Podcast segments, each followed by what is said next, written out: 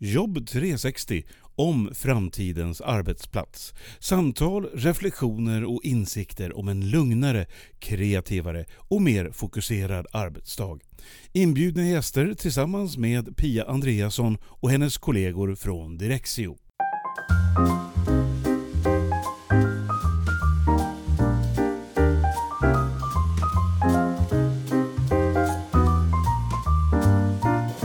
Nu ska jag få prata med Jonas Falk från Strategisk arkitektur igen.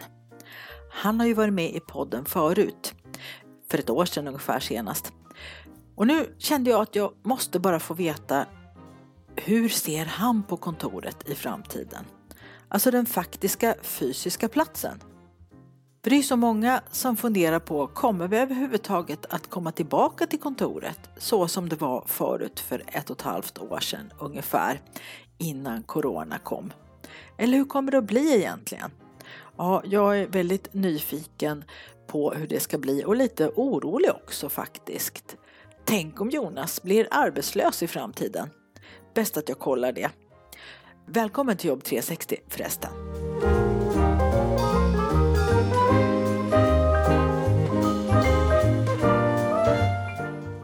Välkommen till podden Jonas Falk. Det är ju inte första gången du är med, eller hur? Nej, jag har varit med två gånger tror jag tidigare. Ja, det tror jag. Först alldeles i början för tre år sedan och sen eh, också tillsammans med Jonas Örte Grabe för ett år sedan. Mm. Precis.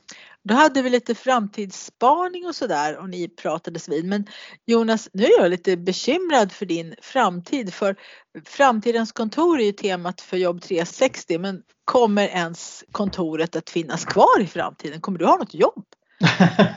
Absolut. Jag är arkitekt och jag har ju jobb eh, vare sig man ska utveckla kontoren åt ena eller andra hållet. Så länge det inte står still så, så har vi att göra. Men skämt åsido så jag får ju ganska ofta frågan nu vad är kontorets roll framöver och behöver det finnas? Och jag, jag är jag av den bestämda uppfattningen att kontoret kommer bli ännu viktigare framöver. Av flera skäl.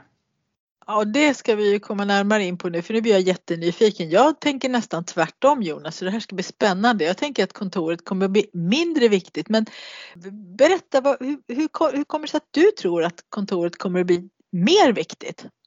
Jag tänker att det kan ju till exempel vara så att vi kommer att uppskatta det fysiska mötet ännu mycket mer nu när vi får möjlighet till det igen. Och vi kanske då kommer också bli bättre på att ta tillvara på det på ett bra sätt. Så det är en aspekt. Sen ska vi komma ihåg att det är väldigt många som varken kan eller vill arbeta på någon annan plats än kontoret.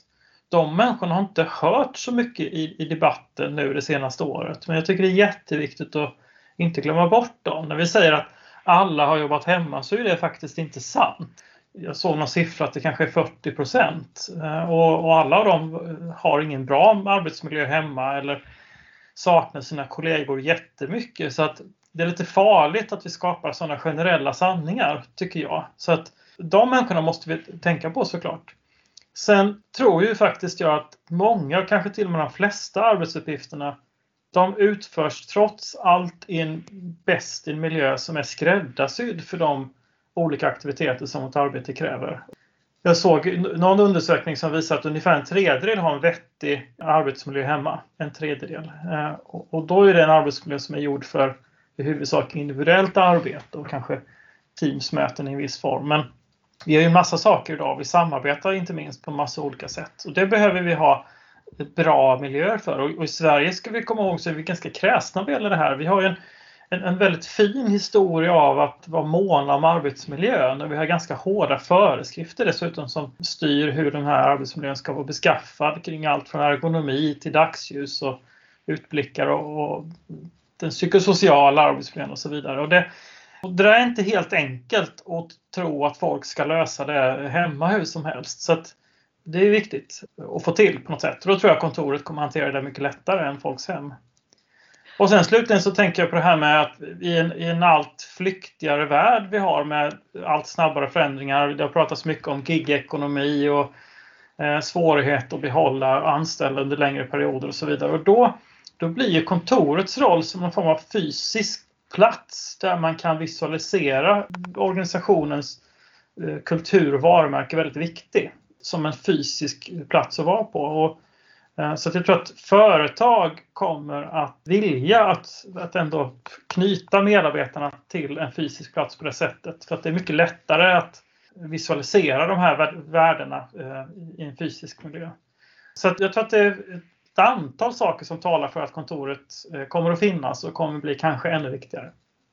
Ja, du har ju massor med bra argument. Jag är ju benägen att ändra min ståndpunkt högst ögonblickligen. Jag tänkte på en sak du sa där i början att det här fysiska mötet att vi har saknat det mycket, att vi kommer att värdesätta det mer. Och det är ju en dröm som jag faktiskt delar med dig och jag önskar att vi skulle ha förstått nu vad är fördelen med ett digitalt möte och vad är fördelarna då med ett fysiskt möte? Att vi blir bättre på att när vi ska samarbeta och arbeta att mer aktivt välja hur ska vi då träffas? För vissa saker löser vi precis lika bra digitalt och då såklart ska man göra det för då sparar vi restid och sådana saker. Medan andra typer av samarbeten har ju verkligen nytta av en, en fysisk plats. Eh, jag kom faktiskt att tänka på en sak här i slutet när du berättade det här nyss. När vi spelar in det här så är det faktiskt en tisdag och igår så gjorde jag det. Jag brukar göra på måndagar. Jag tittar på senaste avsnittet av Vetenskapens värld. Och eh, för alla som inte såg det då så handlar det om att Stonehenge, den här berömda Helgedomen i England har ju inte stått där alltid utan de här stenarna har ju från början brutits 25 mil längre bort i Wales och stått på en annan plats först. Och då funderar man väldigt mycket på hur kommer det sig att människorna flyttar de här stora stenblocken som då väger mellan 1,5 och 3,2 ton. De har gjort experiment där som visar hur de flyttade dem, att de kunde flytta dem på land med slädar. Och då tänker jag vilket stort besvär de gjorde sig för att flytta det här. Men det var ju deras fysiska manifestation av dem som grupp och kanske hade det att göra med förfäderna. Det kanske var någon typ av gravstenar, man vet inte. Men de gjorde sig i alla fall väldigt stort besvär att släppa med sig eh, stenarna till sin nya boplats då i Salisbury. Så att eh, det här med att kontoret som fysisk plats kommer att finnas kvar, det, ja, jag tror nog på dig där Jonas. Men hur, hur kommer det att se ut då? På vilket sätt kommer det att skilja sig från det vi kanske hade för ett och ett halvt, två år sedan och bakåt i tiden? Jag tror framförallt att, att du kan inte komma undan nu framöver med att kontoret ser ut hur som helst. Det tror jag är den, den viktiga skillnaden. Och eftersom kontoren behöver nu helt plötsligt konkurrera med lugna, mysiga hem, coola coworkingställen och kanelbulledoftande kaféer. Och då, då behöver man kunna erbjuda både rätt funktion och rätt identitet, tror jag. Så tråkiga enformiga kontor tror jag kommer att få det svårt. Vi måste kunna erbjuda någonting som är attraktivt nog för att man ska vilja ta sig till kontoret.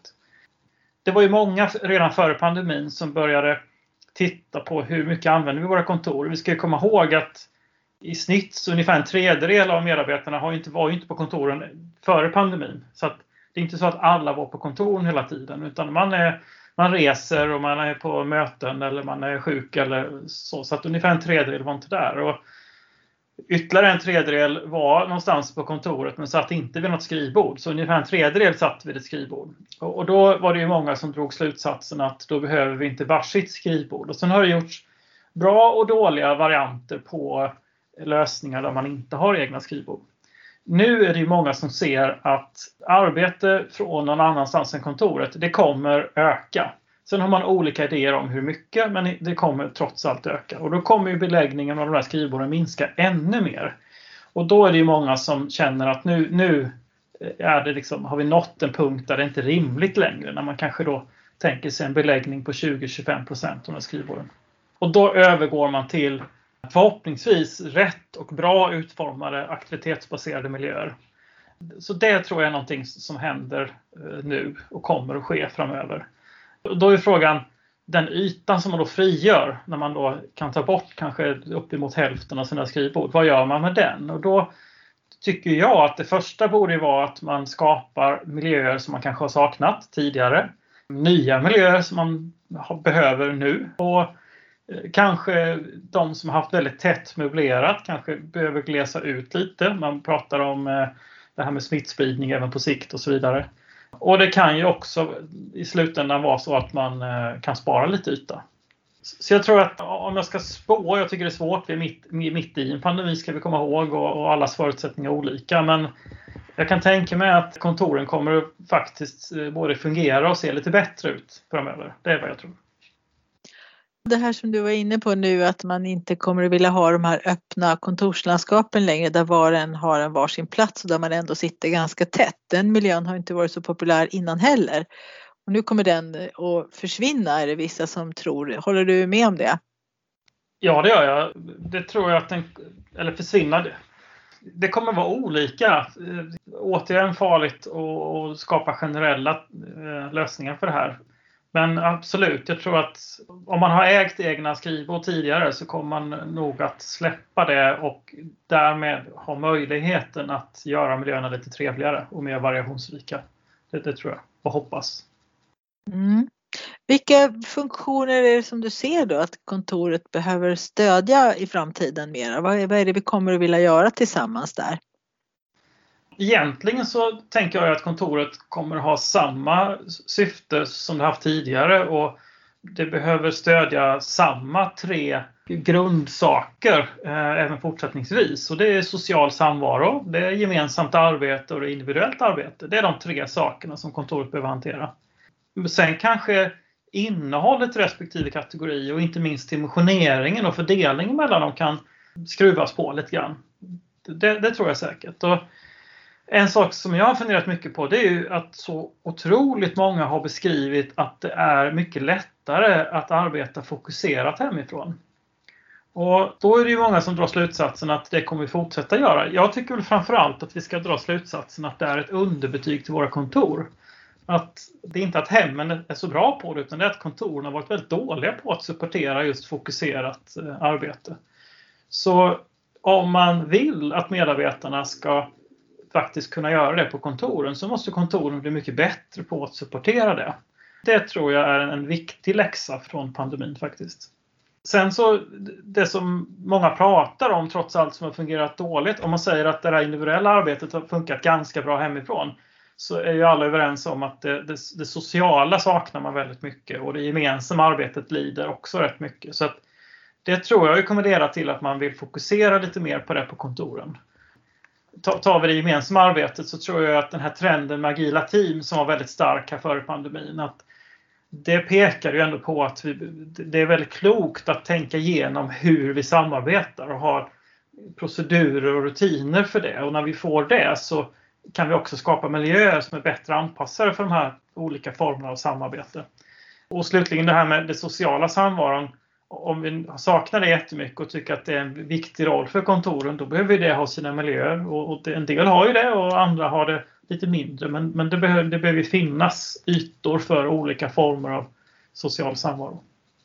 Jag tänkte på det där med kanelbulledoften som du nämnde förut eh, att det också kan vara ett alternativ om man sitter på ett café. Jag tycker det är mysigt att nästa sak man har på de här sociala ytorna det kanske blir eh, bredvid kaffemaskinen står en sån här bake-off maskin då, där man gräddar färska bullar varje morgon.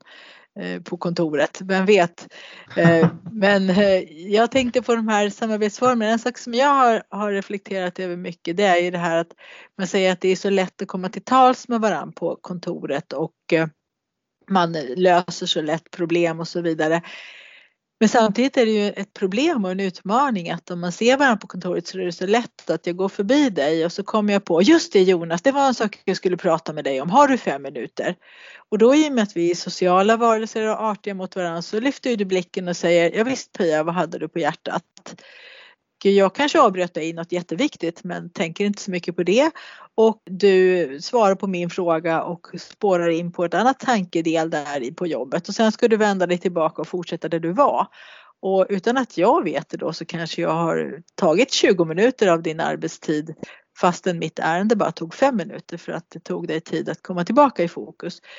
Och jag tror att det är det där som människor har upptäckt när de jobbar hemma. Nu kommer det inte längre någon och säger har du fem minuter, i alla fall inte en kollega. Sen kan det ju vara barn och hundar och respektive och sånt också lite beroende på, som du var inne på också, vad man har för möjligheter att rigga en arbetsplats. Men hur skulle man kunna på framtidens kontor lösa det där då så att man både får möjligheten att sitta fokuserat. Man kanske har två timmar mellan ett par möten som man vill vara på fysiskt och så vill man sitta enskilt utan att någon kommer och säger har du fem minuter. Hur kan man göra det när man, när man riggar ett kontor? Sånt, Nej, men jag, jag tror ju då, om jag börjar med det du sa, de här små störningarna, de, de fyller en väldigt viktig funktion. Å ena sidan, å andra sidan så blir man störd. Och, och det är därför jag tycker att rätt utformade aktivitetsbaserade kontor, de hanterar det här väldigt, väldigt bra. För att där finns det miljöer där du kan, du kan välja vad du är vad du är tillgänglig för. Om det är så att man behöver jobba fokuserat, ja då ska det finnas miljöer för det. Små arbetsrum till exempel, där ingen kommer in och stör dig. Medan när du är lite mer mottaglig, då kanske du sitter i en arbetslounge och jobbar lite mer tillgängligt eh, nära kaffet och så vidare. Så att det är viktigt att ha den variationsrikedomen och den, de möjligheterna. Det tror jag är viktigt. Och det, det är också, eh, jag fastnade på det här du sa, att de här små störningarna när någon kommer och frågar om du har fem minuter. Det, det finns ju, det finns ju studier som, som visar på att individers upplevda produktivitet är ju nödvändigtvis inte samma som gruppens eller företagens produktivitet. Just eftersom vi som individer ser de här, de här småstörningarna som negativt för min egen produktivitet. Men de kan vara bra för den gemensamma produktiviteten. För ni kanske löste, tillsammans löste ni någonting lite snabbare. Och det är någonting som vi ännu inte har svaret på vad gäller allt det här hemarbetet. Hur mycket har vi missat nu med det här som snacket före och efter mötena och de här korta små avstämningarna eller att man som eh, gruppledare eller teamchef eller kan se den här medarbetaren att den, nu, den har det lite kämpigt nu, ska jag fråga hur det går? Eller man kanske inte vågar ställa de här små enkla frågorna till sin eh, bordsgranne och så vidare. Det där har inte riktigt kommit fram än, tror jag. Jag tror att det där betyder mer än vad vi tror. Så att det är också en anledning till att jag tror mycket på kontorens eh, roll och funktion även i framtiden. Mm, det här fysiska mötet, jag kunna se varandra och just det här att man när jag gick förbi dig så kanske jag faktiskt kom att tänka på någonting riktigt bra för att spåra två som som du var inne på och att det gav någonting till gruppen. Så även om du tappade 20 minuter så vann vi kanske, ja om man nu ska räkna i tid, ett par timmar just för att du och jag kunde lösa det så snabbt. Och också för att jag fick syn på dig och kunde våga fråga dig om hjälp. Hade jag suttit ensam på ett ställe i mitt hem och du hade suttit någon annanstans då hade jag kanske inte kommit på tanken att Jonas kan nog hjälpa mig med detta. Nej, men vi har ju utformat kontor de senaste 20 åren på, på ett sätt som, som ska medvetet göra att människor som inte har en naturlig kontakt med varandra i, i sitt arbete ändå ska mötas. Och det sker ju väldigt sällan nu. För att nu är det ju bara uppenbara möten som äger rum. Och man kanske på teamnivå har lärt sig nu att även digitalt fika med varandra och hur det kan vara. Men jag tror att det är väldigt få som, som har den typen av digitala övningar med helt andra enheter på företaget som man egentligen inte har något konkret med att göra. Och tar man oss som har ledande befattningar på företagen. Vi går ju ofta bara runt på kontoret och morsar på folk som vi egentligen inte jobbar med dagligen. Och det är ett sätt att lära känna sina kollegor och känna av stämningar och, och visa att man finns där och vara ett stöd vid behov. Och det låter ju verkligen som att det fysiska kontoret har en framtid. Jag hade ju en idé, jag fick ju höra att ni arkitekter när ni designar kontor så gör ni stråk där det finns sådana här naturliga mötesplatser där folk mer eller mindre krockar med varandra och tanken är då att man ska komma till tals och se människor precis som du beskriver att, att man går omkring på sin arbetsplats och känner att ja, men det här är en plats där jag hör hemma och här möter jag människor, kollegor som jag känner lite mer och lite mindre och så vidare. Och de här stråken eh, har varit betydelsefulla länge om jag har förstått saken rätt, att ni tänker så. Lite i smyg, eller? ja, lite, ja, så kan man se det. Men jag tycker att ett, ett bra modernt kontor, det, det, ska ju vara lite som en stad. Att det finns eh, olika typer av miljöer. Lite, det finns miljöer där jag känner mig lite trygg i att jag känner de som är där i närområdet. Och det finns lite mer publika torg där det är lite andra. Och det finns eh, små kryp in där jag kan vara helt för mig själv. Och det finns eh, dynamiska ytor och lugna miljöer. Och det är någonting som som jag brinner jättemycket för och när jag jobbar med att utforma kontor så är det väldigt mycket i den där mellanskalan som, som jag personligen jobbar med. Zonering och flöden och eh, att skilja på dynamiska lugna ytor och eh, få ihop det med den övergripande arkitekturen. Så det, här, det här som är emellan fasaderna och möblerna, så säga, kvarteren och, och stråken. Det är, jätte, det är en jätteviktig aspekt med att utforma eh, bra kontor, absolut. Mm. Möten, då kommer jag att tänka på mötesrum. Hur, hur tror du det kommer att se ut där? Vi har ju sett jättemycket sådana här, du vet med styrelsesittning och sådana här saker och att man sitter runt ett ovalt bord eller ett fyrkantigt bord och så. Och jag tänker att de mötesrummen är ju, är ju formgivna för, för en typ av samarbete som vi kanske inte har så mycket idag, de här formella mötena. Hur ser trenden ut där, när mötesrum? Vad, vad får ni rita idag? Nej, men jag tror väl att man eh, återigen så har vi varit dåliga på att ha variation. För det finns absolut formella möten och styrelsemöten och andra former. Det pågår hela tiden så att det behövs också. En lärdom de sista åren det är att vi har massa nu, vi har skaffat oss koll på att jag tror det är över 75% av alla möten som äger rum, det är med max fyra personer.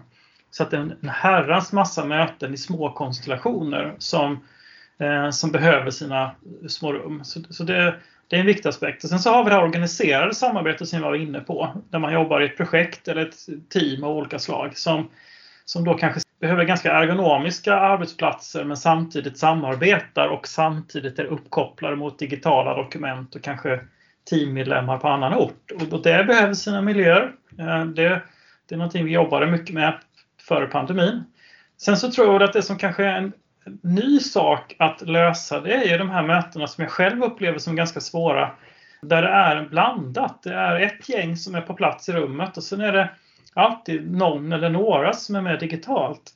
Och det tror jag att vi behöver på något sätt förhålla oss till att det alltid kommer vara så. Vi kommer nog för ganska lång framtid ha nolltolerans mot att folk är småkrassliga till exempel. Vi, vi kommer att eh, sannolikt resa betydligt mindre eh, inrikes i vart fall för att vara med på möten. Så att, och då, då behöver vi hitta lösningar på miljöer där de, de, som är med digitalt kan vara med på lika villkor som de som är i rummet. Eh, hur det nu ska gå till. Vi har ju sett lite skojiga exempel på det förr när man har satt upp så här avatarer i form av skärmar på olika platser och, och så. så att, eh, det kommer garanterat knäckas hur vi löser det på ett bättre sätt. Man, man, det funkar inte att man sitter runt ett gäng runt ett styrelsebord och sen så är det någon som är med på en liten skärm borta i, i hörnan i rummet. Det, det går ju inte. Då.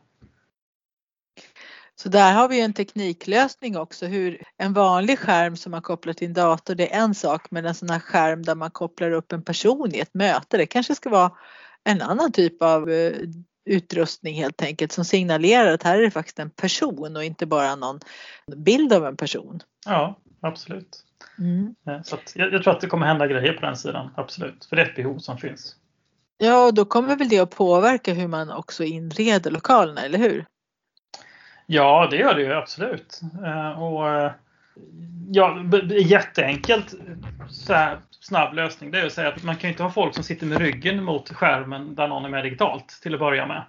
Eh, så att redan eh, där att flytta de här stolarna lite grann, det är nog det första jag hade gjort. Men men jag tänker också att vi behöver kanske utforma miljöer som är ännu bättre anpassade för det här. Det finns ju redan teknik som med hjälp av sensorer och annat kan känna av vem som pratar och zooma in på dem. Och man kan se både hela gänget och personen som pratar. Och så att det, det finns teknik redan som vi kan använda ännu mer. Men, men eh, här tror jag vi kommer få se eh, utveckling, absolut.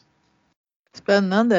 Eh, hur tror du att man kommer att vilja ha det med flexibiliteten, alltså möjligheten att bygga om och rigga om på ett kontor? Kommer det behovet att öka i och med att man kanske har svårt att förutsäga alla de här parametrarna som vi pratar om nu? Hur många kommer att vara på kontoret och hur mycket digital närvaro kommer vi att ha i olika former av möten och så? Ja, vi måste absolut skapa flexibilitet. Eh, tyvärr är det så att hus är långsamma, företag är snabba och människor är dessutom osäkra. Så att det är en utmaning. Genom åren har man försökt att göra kontor snabba med mobila väggar och annat och det, det funkar alltid dåligt. Så att jag tror ju mer på att bygga in flexibiliteten i i en lösning som i sig kan vara ganska statisk. Återigen, eh, bra utformade aktivitetsbaserade miljöer har ju rätt mycket inbyggd flexibilitet i sig som jag tror man kommer ganska långt med. Sen tror jag det handlar mycket om arbetssätt. Mycket av de här förändringarna som sker det är ju inom organisationen. Det är olika konstellationer som förändras. Man, man stockar om eller man köper in ett företag och det händer grejer. Och, Eh, och då behöver man jobba med arbetssätten eh, naturligtvis, inte bara den fysiska miljön. Men sen så är det klart att det är jobbigt nu för företag att teckna 10-15-åriga hyresavtal. Så är det ju senaste åren så är det många av de här snabbväxande techbolagen som har haft ett problem med att de växer mycket snabbare än vad de hinner skapa nya kontor. Så att det har, det har varit utmaningar åt båda håll, ska vi komma ihåg. Och man på olika nivåer tror jag har möjlighet att öka och minska sina kontorsytor. Det kan vara optioner i hyresavtalet, det kan vara genomtänkta sätt att knoppa av ytor vid behov och hyra ut i andra hand. Och sen så tror jag för många kommer ju olika coworking-miljöer vara, eh, kunna hjälpa till att hantera snabba förändringar. Man kanske snabbt behöver flytta ut en, en enhet till exempel. Jag hade ju ett poddsamtalet före dig här med Peter Bergström från Objektvision. Eh, och eh, han berättar ju det att han tror ju att en trend kan bli att ett drömläge för ett företag kommer att vara att vara vägg i vägg med en sån här coworking-plats där precis som du sa nu att coworking-företaget får ta hand om ett plötsligt ökat behov, att man kan hyra in sig hos dem då med något team som ska jobba tillsammans. Och sen också att coworking-stället får ha de här lite större mötesrummen där man har lite större samlingar och kanske kurser och dragningar och, och samla hela företaget och så. Då slipper man ha det där stora mötesrummet eller att ha att alla står när VD ska ha pratat där en liten stund och så. Eh, och istället så hyr man in sig i deras stora aula eller något i den stilen. Är det någonting som du ser att, eh, att man har börjat prata om just sådana saker? Ja, och det är ju egentligen inget nytt. Det, har ju, det är alltid en diskussion om hur, behov man har som företag som är viktiga att hantera men de, de är utkrävande och sker ganska sällan. Det, det, är väl, det är väl den typen av funktioner som man då eh, gärna ser att man kan lösa på ett annat sätt. Så att absolut, det kommer, det kommer öka tror jag. Men jag tror ändå att man som företag, man vill ju om man ändå får medarbetarna att lämna sina hem så kommer man vilja att de i första hand är i den egna miljön. Just för att eh, träffa kollegorna, kunna manifestera sitt varumärke och kultur och allt det där. Så att jag tror att det där är ju nödlösningar för när den egna miljön inte kan hantera någonting. Däremot så tror jag att en ny typ av coworking-miljöer eh, kommer uppstå där vi inte se det som komplement till kontoret utan komplement till hemmen. För att jag tror att för väldigt många så är ju en ökad möjlighet att jobba eh, hemifrån är väldigt bra. Den uppskattas av väldigt många. Samtidigt så kanske man har ett, ett hem där man inte har en så bra arbetsmiljö. Och co-work-miljöer i anslutning till hemmet, till exempel i bostadsrättsföreningen. Det tror jag är en, en grej som kommer komma. Så att man kan vara nära sitt hem, kanske ett, barn som inte mår bra eller någonting. Men ändå ha ett, en kontorsmiljö i en, det som tidigare var föreningens övernattningslägenhet till exempel. Med några människor man kan snacka med och gott kaffe och skrivbord.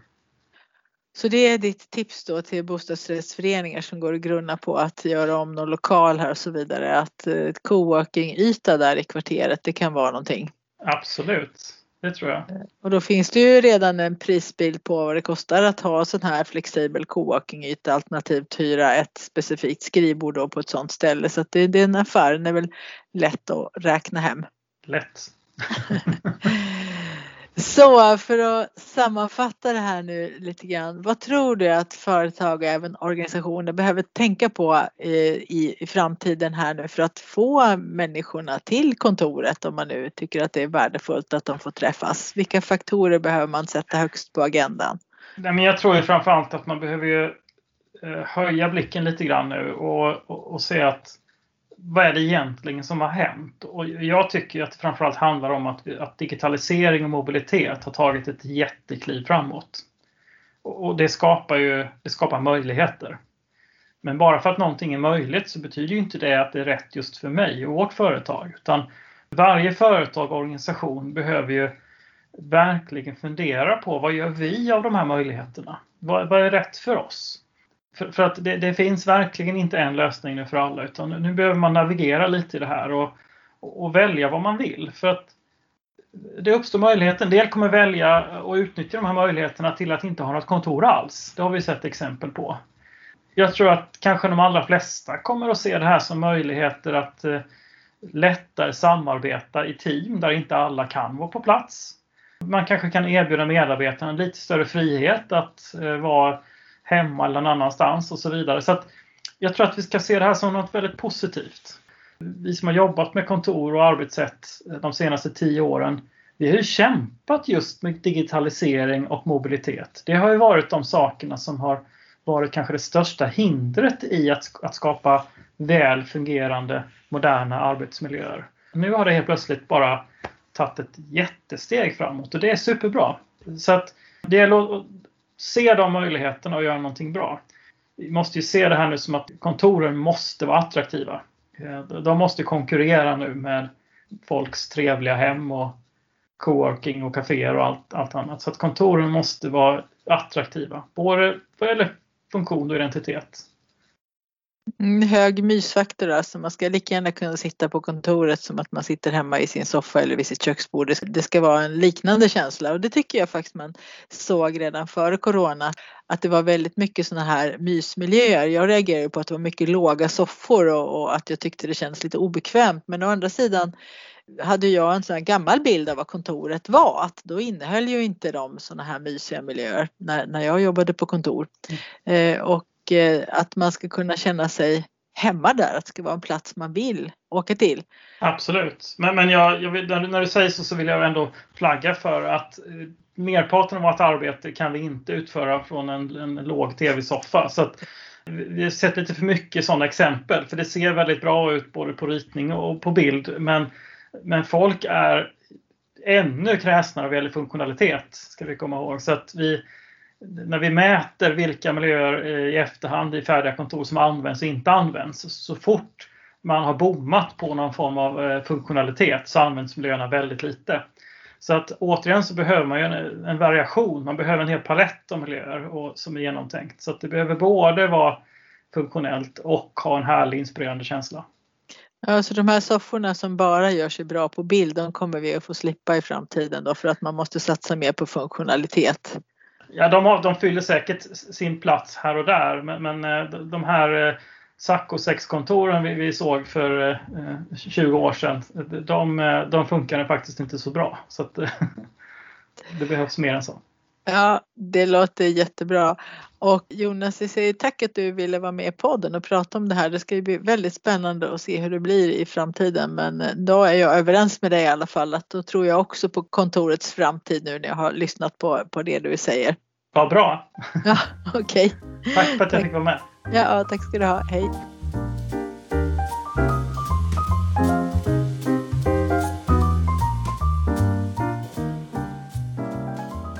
Så skönt att höra att Jonas inte kommer att bli arbetslös utan att det kommer att finnas väldigt mycket att göra när det gäller utformningen av framtidens kontor. Och det är väl inte så konstigt. Nu måste ju alla företag och organisationer börja tänka nytt. Ska alla verkligen ha ett eget skrivbord eller är det borta? Hur ska kontoret vara utformat för att medarbetarna ska vilja komma dit, kanske faktiskt flera dagar i veckan? Och vad ska hända när de väl är där? Ja, Jonas och hans kollegor på strategisk arkitektur kommer i alla fall att utforma kontor som levererar det. Det vet jag efter att ha känt Jonas så länge. Men hur själva tänket ska se ut, ja, där måste ju företagen och organisationerna själva börja. Och det är hög tid nu. I höst är vi där. Tack för att du lyssnar på Jobb 360.